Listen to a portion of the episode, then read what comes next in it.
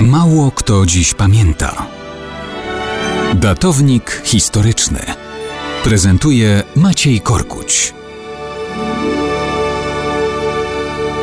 Mało kto dziś pamięta, że jeszcze przed 17 września 1939 roku Moskwa uzgadniała każdy swój ruch wobec Polski z Berlinem. Jednym z takich świadectw jest depesza ambasadora Rzeszy w Moskwie von Schulenburga z 16 września 1939. Pisał on tak. Widziałem się z Mołotowem i wypełniłem instrukcję. Mołotow oświadczył, że interwencja zbrojna Związku Sowieckiego nastąpi zapewne jutro albo pojutrze.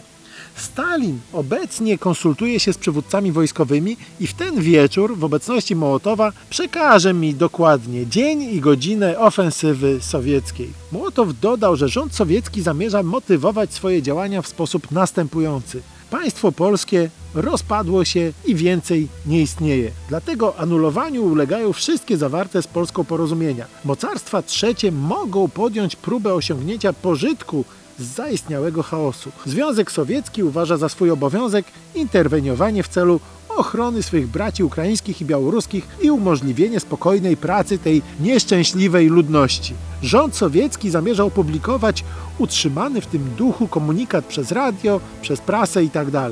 Od razu po tym, gdy Armia Czerwona przekroczy polskie granice i jednocześnie oświadczy to w oficjalnej nocie. Mołotow zgodził się, że planowany przez rząd sowiecki pretekst zawierał nutę obrażającą uczucia Niemców, ale prosił, by zważywszy na trudną sytuację dla rządu sowieckiego, nie pozwalać na to, by takie drobiazgi stawały na naszej sowiecko-niemieckiej drodze. Rząd sowiecki bowiem nie dostrzegał jakiegoś innego możliwego pretekstu, gdyż dotychczas Związek Sowiecki nie troszczył się o swoje mniejszości w Polsce i musiał w ten lub inny sposób usprawiedliwić wobec zagranicy swoją obecną ingerencję. Koniec cytatu. W ten sposób Sowieci jeszcze przed agresją na Polskę usprawiedliwiali się przed Berlinem z tego, w jaki sposób będzie wyglądała sowiecka propaganda po 17 września 1939 roku. Takie bałamutne uzasadnienia niektórzy podtrzymują do dnia dzisiejszego, nie informując,